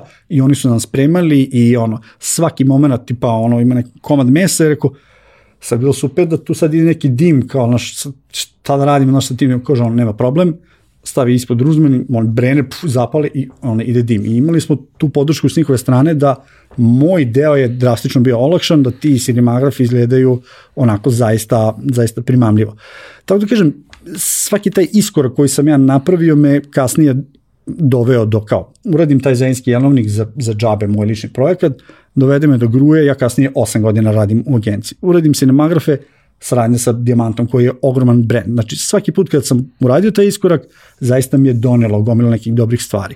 Mislim, ono, i za taj tipa Elementor, ja sam našao neku stranicu sakrivenu na sajtu koja se bavi, ono, uh, oni to zove Elementor Leaders, znači osobe koje vode mitape u gradovima i ja se prijavio, hoću ja da organizujem besplatno. Ono, taj proces, proces da ja njima besplatno držim meetupe toliko trajao, toliko tih verifikacija, toliko razgovora, da je to stvarno bilo koje loko za posao, znaš. Uh, tako da i tu sam se eto priključio da besplatno vodim meetupe i kasnije je imalo svoje, svoje neke benefite. A, nikada neću zaboraviti, a to je zato što imam taj problem da u principu ne zaboravljam stvari, za, za, zato mi je život komplikovan dosta. Ali nikad neću zaboraviti trenutak kada ja pratim to što ti radiš, ti sve lepo, još, ja volim kad ljudi šalješ slike hrane koje je lepo. neko voli, neko, lepo. neko je to malo prokledstvo. Pa, ne smem uveče, ne smem uveče da kasnim, to su zabranili. Meni je prokledstvo, volim, znaš, volim, to je bolest, znaš. Ovaj, I samo vidimo u jednom trenutku da, da, da, kao super, to sve rasprodajem kompletnu fotoaparat Zašto? Pa kao, hoću se fokusirati na druge stvari. Ali, brate, ovo ti ide super. Stvarno ti ide super i našao si, našao si svoje mesto, radiš neke stvari koje čini mi se da u njima uživaš da. i to sve. Što to radiš? Što si to uradio? Da, a, pa postoji jedan moment gde ja imam jednog jako dobar moj prijatelj, jedan zaista od najboljih fotografa koje ja poznajem i on je fotograf, ali radi u WordPress industriji. I on sebe kad bi predstavljao nekome, on kaže ja sam fotograf. Ja nikad sebe nisam predstavljao kao, on kao Milić je fotografi, nikad. I nije nešto, to je nešto u čemu sam ja uživao, ali nikad nisam smatrao za nekom mojom profesijom. Uh, I to je onako išlo paralelno koliko je moglo, ali sam ja shvatio da postoje neke stvari koje mene primarno interesuju. To je svako web dizajn i kada je taj edukativni deo počeo da bude onako, da uzima sve više mog vremena, ja sam shvatio da sam rastazan na više strane i da ono, moram da donosim neke teške odluke. Jedna od njih je bila da ono, odsečem se od fotografije i da to ostane na nivou nekog zaista hobija, ali ono, stalno te zovu, stalno ono, da, da fotkaš ili događaj ili hranu ili i to meni bude onako, ja ovo je super prilika, daj da, daj da iskoristim uh, to, ali ono, svi imamo ograničen broj sati i jednostavno morao sam da napravim sam sa sobom listu prioriteta da vidim šta zaista ja želim za sebe u narednih nekoliko godina. I stalno meni taj bio crv, to što ja ne želim da se kao miliće fotografi potpisujem, mi je govorilo da iako uživam u tome ne, ne znači da, da, da moram to da, da, da guram. Tako da definitivno taj web dizajn i edukacija kada se priključila moralo je kao ono, kao, jedan, jedan da slot morao je da se oslobodi. A, tako da, mislim, ruk, ono, što kažeš ti, bolest ne, ne bira gde udara, ja sam rasprodao su, ja sam imao Nikon, koliko da je su, aparat, e, mislim, to, tome nema kraja, objektivi, rasvete i sve, ja sam sve rasprodao i kao kupio Canon kao EOS R da bi kao imao da snimam kurs. Mislim, iako sam ja tim fotoaparatom snimim uvod i zaključak, sve ostalo mi je kroz web kameru, kako se zove, ali Ne, lep, ja da imam fotoaparat, lep. ja kao bivši neki fotograf, ne mogu ja imam bilo kakav fotoaparat. Tako da, kako se zove, i dalje ja kao imam solidan fotoaparat, ali ne prihvatam nikakve fotografske uh, poslove više. I, I isto je dobar primer, ja sam zajedno sa kolegom napravili smo neki Happy Pixel koji je bio onako više satira na sve one ekskluzivne i luksuzne brendove, mi smo imali kao smiley, ono, bukvalno, smo isprnje i njemu i meni je to bilo, a, gde radili smo u nekom momentu dosta svadbi i on ima svoj biznis i on je pola svadbe popustio zato što je morao da odgovara na telefon i to mu je bila poslednja svadba. I on je rekao, ja ne mogu da se bavim ovim, zato što je moj posao meni primaran. Što je meni u tom trenutku bilo jako onako, ajde može, zašto nećeš, ali sam na kraju skontao da je u mom slučaju to isto tako bilo tačno. To je teška odluka. Da. To je teška odluka, ali čini mi se da se ispostavila kao prava. E sad, uh, taj deo edukacije, uh, ti si da kažemo, edukacije iz oblasti WordPressa, što kroz predavanja, što kroz neke kraće kurseve i slično, radio već nekoliko godina pre nego što si odlučio da to mm. uobličiš u, u, u nešto što je zaista pun paket, što se kaže. Kada je kako je došlo do te odluke i kada si je doneo i šta ti je bila ideja sa tim? Zato što sa većinom ljudi kada pričam uh, o tome kao, znaš, ili su napisali knjigu ili, mm. ili su pokrenuli kurs ili nešto, kao, šta je bila tvoja motivacija sa tim? Zato što razni ljudi imaju različitu motivaciju. Mm -hmm. Mene mhm. legitimna motivacija da radimo pare. To, to, ja vo, volim novac. Konstantna za sve. I u principu volim novac, a uh, volim i da napravim nešto čega neće da mi bude sramota i onda no. Da. to tako malo ima jedno sa drugim često je u koliziji, jel? Ovaj, kad pogledam šta, šta neki kolege rade. Ali uh, nije samo stvar u tome. Znači, šta je neki šta je neka polazna osnova od koje krećeš, jer uh, 20 godina unazad ljudi prave kurseve web dizajna uh, i ja gotovo da ne znam ni jedan primer nekog ko, ko se bavio web dizajnom nakon što je završio te kurseve. Mm -hmm. Ne mogu da kažem da nikome to ništa nije značilo, mnogima je značilo da razumeju web dizajn i da onda bolje pripreme priču za svoju firmu, bolje izaberu saradnike, bolje, što je legitimno, okay, ali to takvi, da. nije poenta bila. Mislim, obećanje koje je dato nije bilo tako. Mm -hmm da kažemo, ok, ako pričamo o, ne znam, ono, jednomesečnom kursu, ne možeš ni da očekuješ Bog zna šta, mm. ali ja znam ljude koji su završavali ono godišnje kurseve, mm. pa na kraju toga nisu da. bili u stanju da urade bilo šta, a platili su to neku značajnu cifru i imali su neko jako veliko obećanje koje je stajalo iza toga. Šta je bila tvoja ideja i šta je bilo tvoje obećanje koje mm. si ti hteo da daš? Pa, ono, ja sam sebi nekako zacrtao taj slogan, on, radi posao koji voliš, neko i moraš, jer, na primjer, što tiče, kursovi su super stvar da se zaradi novac i Srbija je jako relativno malo tržište, ja, moj nivo engleskog je ok, uh, ono, radim i sada u stranoj kompaniji i sporazumevam se i ono, nisam native speaker, ali mogu da, mogu bi da držim kurs na engleskom, eto tako, jer, na primjer, i sada kada se pogleda, velika većina uh, WordPress youtubera je iz Evrope. Uh, I finansijski to bi imalo najviše smisla za mene da napravim kurs na engleskom.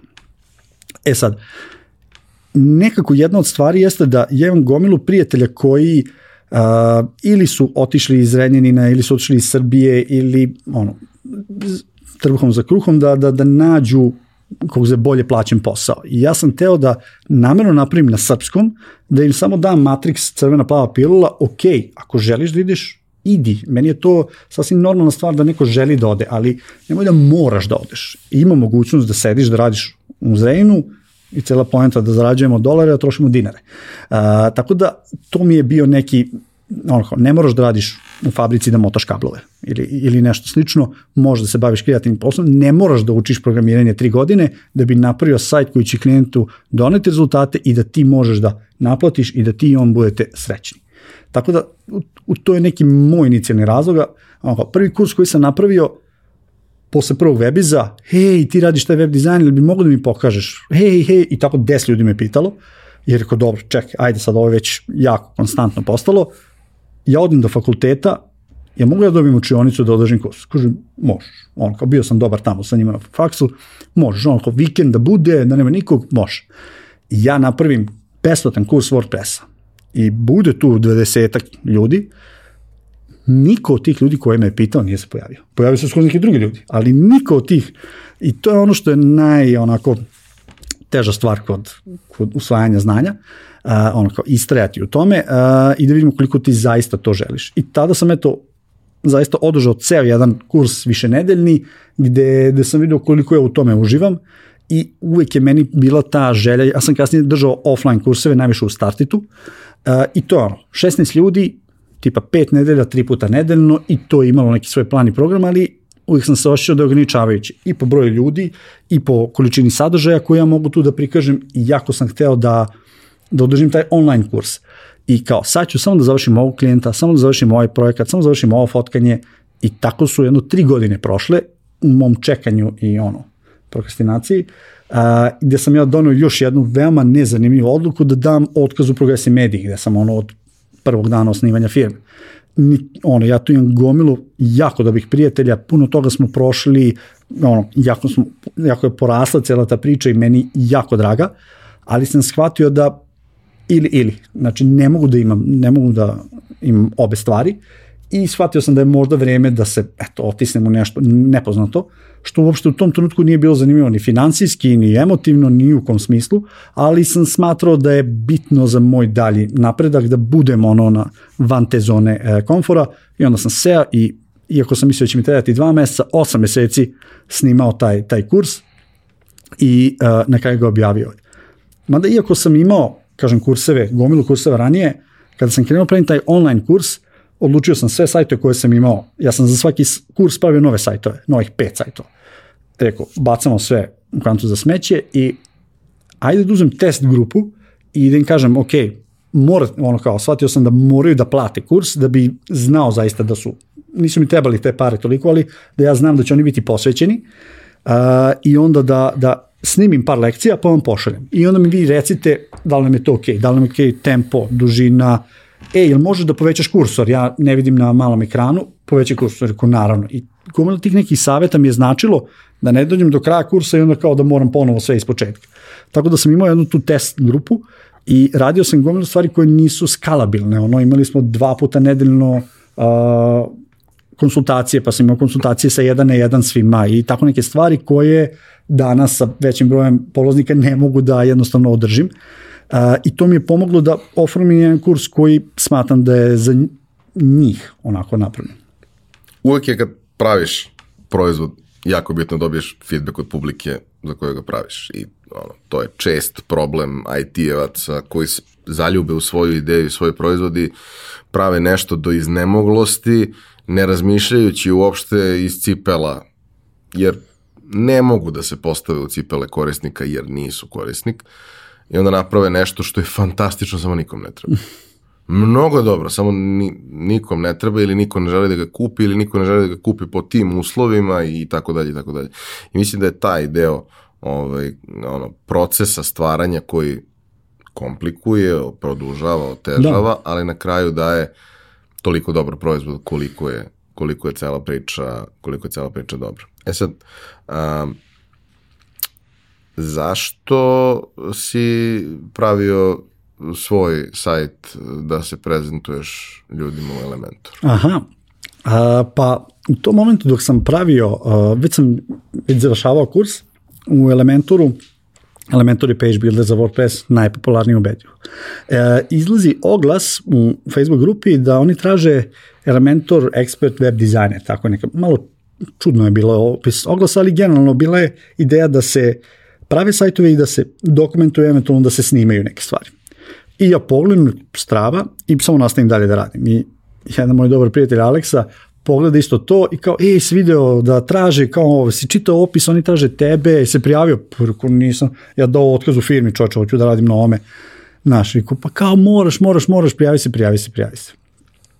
Ja sedim i razmišljam, rekao, mislim, ako bi postala jedna firma koja bi radio, to bi bio Elementor. Ja trenutno ono nemam ambiciju ni u jednoj firmi da radim, ali kao Elementor stvarno je nešto na početku sam se ja trudio da se pozicioniram kao web dizajner, da me ljudi percipiraju kao web dizajnera. Treba mi sajt, moja slika da im se upali ono, njihovom imeniku. Uh, I kasnije kao WordPress lik i u WordPress zajednici se, sam se ja aktivno, aktivno trudio da se pozicioniram kao Elementor lik jer to je nešto onako zašto ljudi mogu da me vežu, kad mi treba Elementor site, što se jako često, sve češće dešava, opet, ono, top of mind, ja.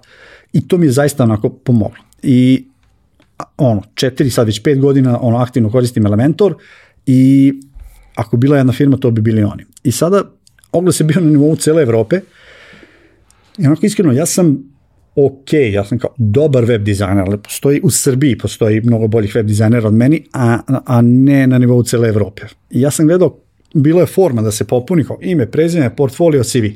I ako imaš kao additional notes. I to pošalješ kao formular. I ja sad gledam, kako ja sad tu mogu da se izdvojim iz mase uh, tih svih web, web dizajnera ja odlučim da ono, odem all in, sedem je nekih dve nedelje, investiram da napravim poseban sajt i kupim domen tipa Milan for Elementor, kao milan4elementor.com i ono, hero sekcija, hey Elementor team, jer sam teo da ono, a oni zaista vide da on nije moj online CV, nego je ovo moja aplikacija samo za njih. Sa, ono, moja priva a, za posao samo za njih. I tu prikažem ko sam, šta sam, šta su neke moje veštine, šta sam radio do sada, zašto volim Elementor i kroz neke čak Elementor opcije koje su možda i specifične za njih, taj neki motion effects, uh mhm. -huh. pokažem da zaista znam proizvod. Uh, I čak sam na kraju ono kao napravio sliku ima before and after, Elementor team i Uh -huh. photoshopiram sebe kao deo tima, znaš. Vizualizacija je prvi korak. I mislim, napravim kao neku simpatičnu o, priču od, od cijelog tog sajta i pošaljem, pošaljem a, to. I dobijem odgovor, Milane, sajt je fenomenalan, jako kreativan, svima u firmi se svideo, ali nažalost mi tražimo nešto specifično i kao to je to, kao ništa, ništa od posla. Što ono, nikad nije zanimljivo da, da budeš odbijen, ali s druge strane ja nisam ni aktivno tražio posao, tako da ono, kao progutao tu gorku pilu i nastavio da. Kako ti devojka koju voliš, kaže, dobar si dečko. da, dobar si dečko. To je tako je prilike bilo. I ništa, ja nastavim dalje i mislim, to je isto jako bitna stvar da ja jako volim kreativne stvari i određena grupa ljudi me smata kao za kreativnom osobom, ali uh, sve neke stvari koje ono kreativnost je mišić koji treba se vežba i taj deo, na primjer, cela ta ideja za, za moj taj sajt je urađena pre mene, znači ima devojka ono Nina for Airbnb, ako znaš, verujem da ti znaš, i odatle sam ja pokupio tu ideju i taj naziv za domen i sve to.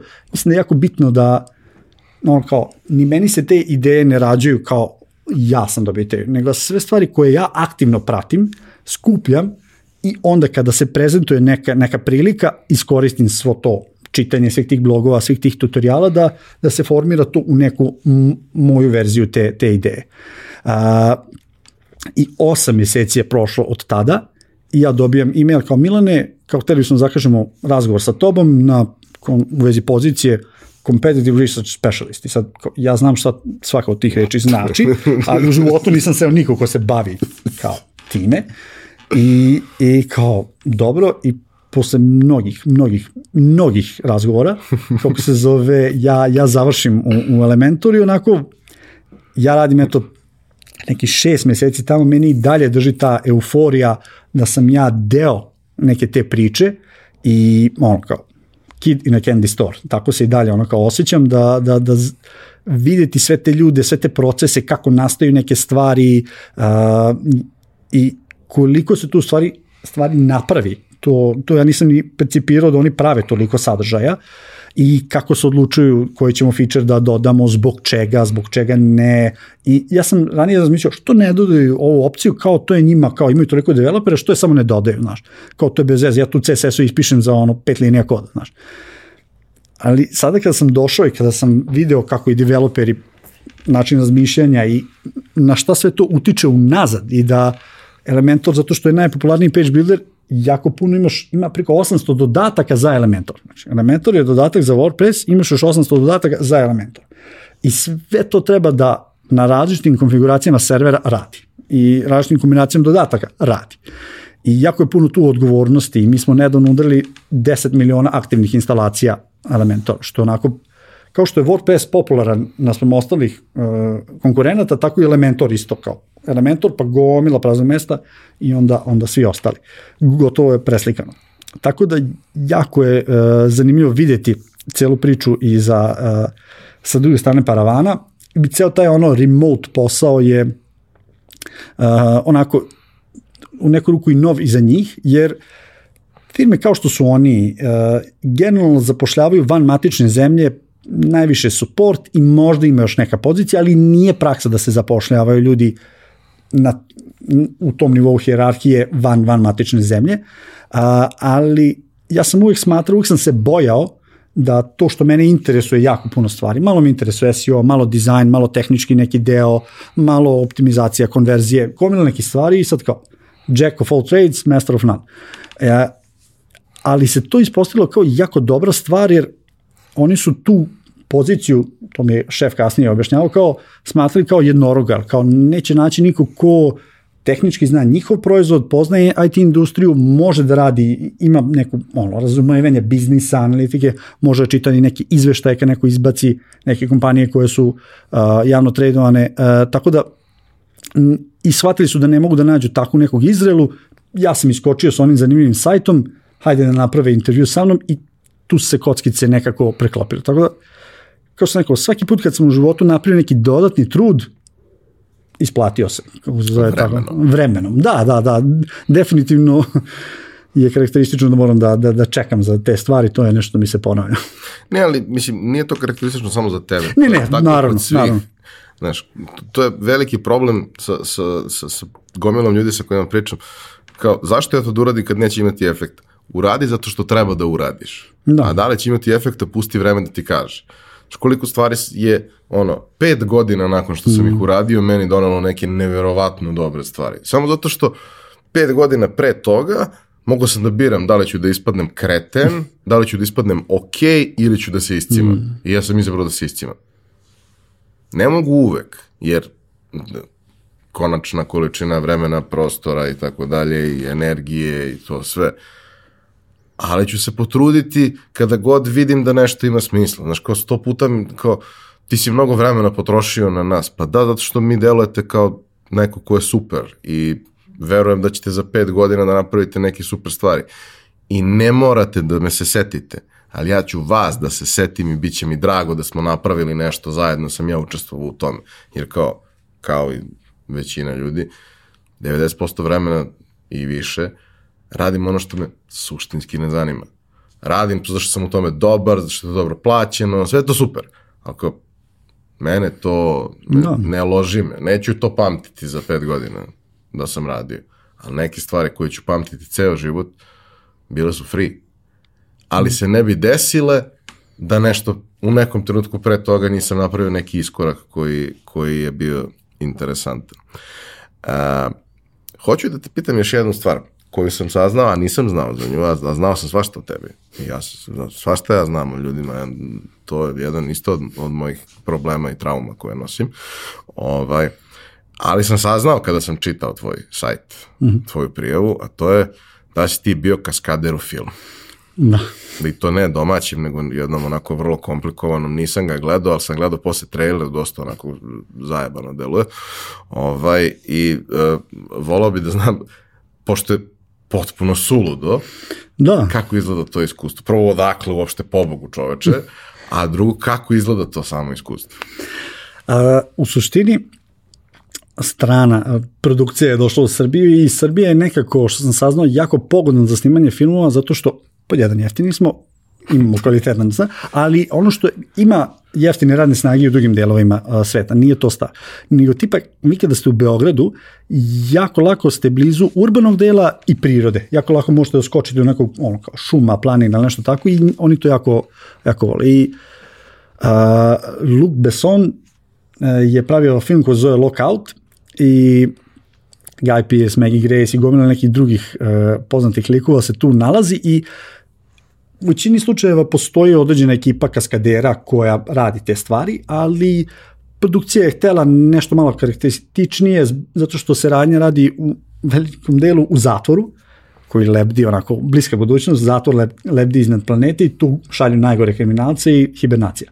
I trebali su im određeni profili tih svih kriminalaca, a da znaju i dobro da se bori i trebalo ih je dosta. I uh, preko Beogradske veze ninjutsu kluba dođe ta informacija i do nas i mi odemo, bio je kao casting samo za kaskadere, da kažemo, gde, gde je bilo nekih 80-90 ljudi i bilo je ono kao prvi poziv, drugi poziv. Te, I ja uspijem da prođem kroz sva tri ili četiri selekcije i formira se nas osmoro, gde je bilo iz različitih bolečih veština. Bilo je dosta nas iz ninjutsu, iz capoeire, judo, rvanja, taekwondoke su bile tamo, jako puno različitih profila, gde se napravio neki miks nas, bio sam ja i još jedan dečko, uh, Vlada iz Leskovca, smo bili ninja tu i ono što je bilo meni jako vredno uh, tu jeste da smo mi pre snimanja filma imali tri meseca obuke od naših i francuskih kaskadera, gde ti francuski kaskaderi su stvarno na vrhu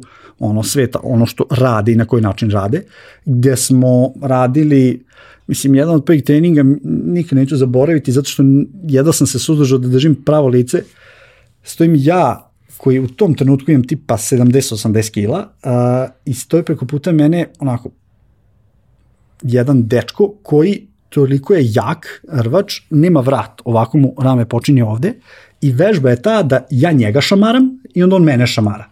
I ja šamaram lika koji ono može dug da mi utera, kako se zove, ono ide, skuplja harač po gradu. Uh, I ja njega šamaram on, ovako, i sad ja njega šamar i sad ti ispratiš kao ta reakcija je jako bitna da možeš da ispratiš. To mislim strašno. Ali nanosili su nam tipa stolove i on te kao udari, ti skočiš gore, udariš glavom o sto i padneš dole. I gomila tih nekih stvari koje su bile ono totalno nerealne i tu je mene onako progurala ta priča zašto sam znao ninjutsu i pokazao sam neke stvari iz parkura i onda ta kombinacija mislim da je mene progurala, pogotovo što neka stvar što je bila specifična za mene, postoje u ninjutsu ti leteći padovi i ja sam mogao poprilično da, da, da letim i što se tiče visine, e, mogu tipa osobu za koje moje visine da skočim i da preletim ovako ili tipa neki 2-2,5 metra da se zaletim i da, da preletim i te neke stvari ekstremnije sam radio tu, gde sam na poslednjem castingu imao kiks, ja dovedem onog on se najpopularnije zove Bob, onaj gumeni da, lik što je na... Da. na što ga biju. No, što ga biju. Ima, i ja dovedem to i sad, sad ću ja to, a on je onako malo čak i više od mene. I ja se zaletim, poređene su bile strunjače, to je hangar, Šimanovci, ono gde se sve snima, ja izađem van, skočim, okliznem se, zašto sam bio van strunjača, oborim i njega i sebe i ono dole je puno vode i ono se prolije i ja rekao, to je to, na trećem castingu sam pao i nema medalje. I ovaj francuski kaskader me skonta i pošto je već znao malo o meni, ajde kao probaj, uzmem preko klupe, pa kao dorim neki parkour potez, neke najosnovnije stvari, ja to sve kao uradim bez problema i, i prođem na kraju, kako se zove, nisu mi zamerili taj, taj kiks, ali ta obuka sama je bila fenomenalna. Mislim, ti sad kad pogledaš taj film, u životu te mi palo na pamet da se deo snima u MB Pivari, tadašnjoj MB Pivari, gde svaki ono, svaka para, svaki neki mali detalj, ono svetla, je sve ono, ne namerno, nego promišljeno napravljeno, i gde se ono 10 sekundi snima 3-4 sata. To je ono i stalno. I, i onako imao sam prilike da budem i slučajni prolaznik i neki inženjer koga glavni glumac uh, ubije, glavni negativac ubije, gde mi smo tu ono, budeš 12 sati, da ne radiš ništa ili te pozovu nešto sitno da uradiš i konačno izlazi moja prilika da, da kao uh, ja budem, čak da mi se vidi lice, što nije baš standardno za kaskadere, jer gledaju ti svaki lice da mogu ti iskoristiti za više uloga. I ne, kao, to je to. Ja idem sa još jednim glumcem, kako se zove, dolazimo do, do glavnog negativca. I samo, klapna, rejter kao, ne, ne, ne, razlik između meni i ovog kolege je ono kao, ja sam drastično više od njega. I ja rekao, ja, ne, rekao, sad će da stave nekog drugog, rekao, polako, misli pozitivno, bit će dobro, bit će dobro. I oni su nama stavili, njemu stavili neke hoklice, one, drvene, neke male, i onda je on išao po tome, ja idem pored njega. S tim da sam deo puta sa desnom nogom moram da idem po tome, a levom onako. I tu su bile i eksplozije i razne neke, kako se zove stvari, ono kao pucanje, gde ti moraš tačno da reaguješ. Ide kamera, glavna kamera na onim kolicima, između nas dvojice. I on glavni glumac izvadi pištolj i tu se desi neka eksplozija u pištolju i on pukne. Prvi put kako on pukao ja se bacam i ja nisam znao da je druga kamera ovde. A kamere su tipa 5-6 miliona dolara da se rentiraju. Ja za malo udarim glavom i onako samo se istopim dole. I to mi je bilo onako peti, šesti put. Nema veze, osigurano je, verujem. Da, peti, šesti put, on krene da puca, ja reagujem i sad nije pukao, rekao ja sam cimnuo, rekao sad će da krenu da se deru na mene i sva seća kao pištolje za glavio. Kao. Tu si on kao istraumiran da, da, da nešto ti ne, ne zazneš da, da može ta produkcija da, da ide. Ali, šta znam, ono, na filmu je bio i Guy Pearce koji je onako, aj kažem, poznat glumac i ja sam očekivao kao u filmu je on kao klapna i kao sa pet ljudi dotočao do njega, voda, jel treba? Ne, čovjek ono kao, znaš, sedi u ćošku, povredio nogu, ono boli ga, znaš, nikomu ne prijezda, nema sad kao drama, ja sam Niko zvezda. da mu donese. Niko, ne, ali uopšte nije bilo ono kao, nisu se uopšte ponašali kao neki, kao ja sad, kao zvezda, kao ja, ne, stvarno su bili jako, jako fini, ljubazni i cijela ta, cijelo to iskustvo mi je bilo onako zaista fenomenalno da vidim s druge strane kako se prave ta vrsta filmova i radili smo stvarno ono lude, lude, lude stvari tamo na kasniku. Mnogo mi je drago da si ispričao taj, taj detalj, zato što kao, brate, suludo je. Suludo Jeste, je i mnogo je lepo kad, kad naletiš na nešto tako. Za kraj sam, volao bi da te pitam šta su ti planovi za neki naredni period. Sada imaš full time posao koji je prilično zahtevan i odgovoran. Imaš i uh, kurs koji je, kažemo, i uznapredovo u prethodnom periodu i dosta nekih polaznika koji, koji su tu aktivni. Uh, šta, su ti, šta ti je ideja za, za dalje? Pa svakako, uh, jako smatram ono, tu povlašenu priliku to što sam u Elementoru i gledam ono, ja smatram da se znanje krade i gledam da ukradem što više znanja od što više jako pametnih ljudi tamo, jer verujem da će mi onako jako puno značiti za moj profesionalni razvoj, iako posao koji sad, danas radim je skroz van zone komfora i nečega što sam navikao. Ja sam navikao da pravim sajtove. A, sa druge strane što se tiče edukacije, a, i prednost i mana edukacije, pogotovo u oblasti web dizajna, zato što stalno izlaze nove stvari. Jako je teško napraviti kurs da, da jer to je trenutak u vremenu, izađe ono svake nedelje, svaki mesec dana izlazi novi, nova verzija za dodatak, za WordPress, za Elementor ili za nešto drugo, iako se stvari menjaju i dolaze sada jako velike promene u Elementoru, će se desiti ove godine, preći se sa ono, kao verzija 3 na verziju 4 i tu će biti nekih dosta velikih promena i planiram kad se to desi da napravim novi kurs. E, I ono što želim još više da ima akcent ovde je zaista da bude akcent na web dizajnu. Znači web dizajn kao takav i onda da kako da iskoristimo ove nove alate da postignemo te naše ideje. I ono što sam naučio kroz kroz svaki svoj kurs ja naučim gomilu stvari, iako ja predajem. Ali ima tu komponentu istraživanja i edukacije koje meni zaista me podigne, level up. A, gde gde zaista želim da, da njima predstavim te neke procese i ono što sam naučio jeste da treba naučiti kako da postaviš kvalitetnija pitanja. Znači, ne moraš ti nužno da imaš odmah sve odgovore, nego kako klijentu da postaviš kvalitetno pitanje ili kako za taj problem koji rešavaš, kako da postaviš kvalitetno pitanje. Jer to kad uradiš, nekako odgovori sami krenu da, da se nižu. Mislim da je ono jedna jako važna stvar za, za sam kurs, e, činjenica da, ok, ti si vidljiv u zajednici vrlo, a, i ti vremena na vreme podeliš neki od radova ljudi koji su bili na kursu. I to je sjajno. Mislim, ja sam jako ponosan na to šta tvoji polaznici naprave. Da se razumemo, znam ja to isto da napravim. Ali ti ljudi to nisu znali pre nego što su krenuli u to. Dobili su jedno vrlo dobro oblikovano znanje, naučili su da prepoznaju šta je adekvatna estetika, naučili su da odaberu prave stvari, naučili su da slože. Ljudi, danas je pravljanje većine prezentacionih sajtova vrlo jednostavno. Ja za nivo osnovne škole. Apsolutno, apsolutno se slažem. Samo treba znati probrati sa no. čime radiš. U jednom momentu sam bio, iako sam se bavio već par godina fotografijom, otišao sam na kurs fotografija. Čisto onako da vidim da li ima možda neka rupa koju treba da popunim u znanju i najveća stvar ono, koju sam ja izvukao iz tog kursa jeste jako lepo nam je predstavljao kako taj fotograf čita fotografije. E to je meni ono bilo najveća stvar koju sam ja ponao odatle. I to je ono što ja želim da prenesem na njih. Ok, kada pogledamo ovaj sajt, ono, svi znamo da kažemo ovo je lep, ovo je ružan sajt. Zašto? Zašto? Šta ti se tu ne sviđa ili šta ti se sviđa kod ovo? Da ti zaista imaš dublje razumevanje da li je to psihologija boja, da li je to struktura, da li je to način na koji svaka sekcija treba da ima svoj deo u pričanju te priče, te neke landing stranice. I zašto je to tu, zašto je ovo social proof, zašto mora da bude neki smisleni naslov, a ne dobrodošli na naš sajt.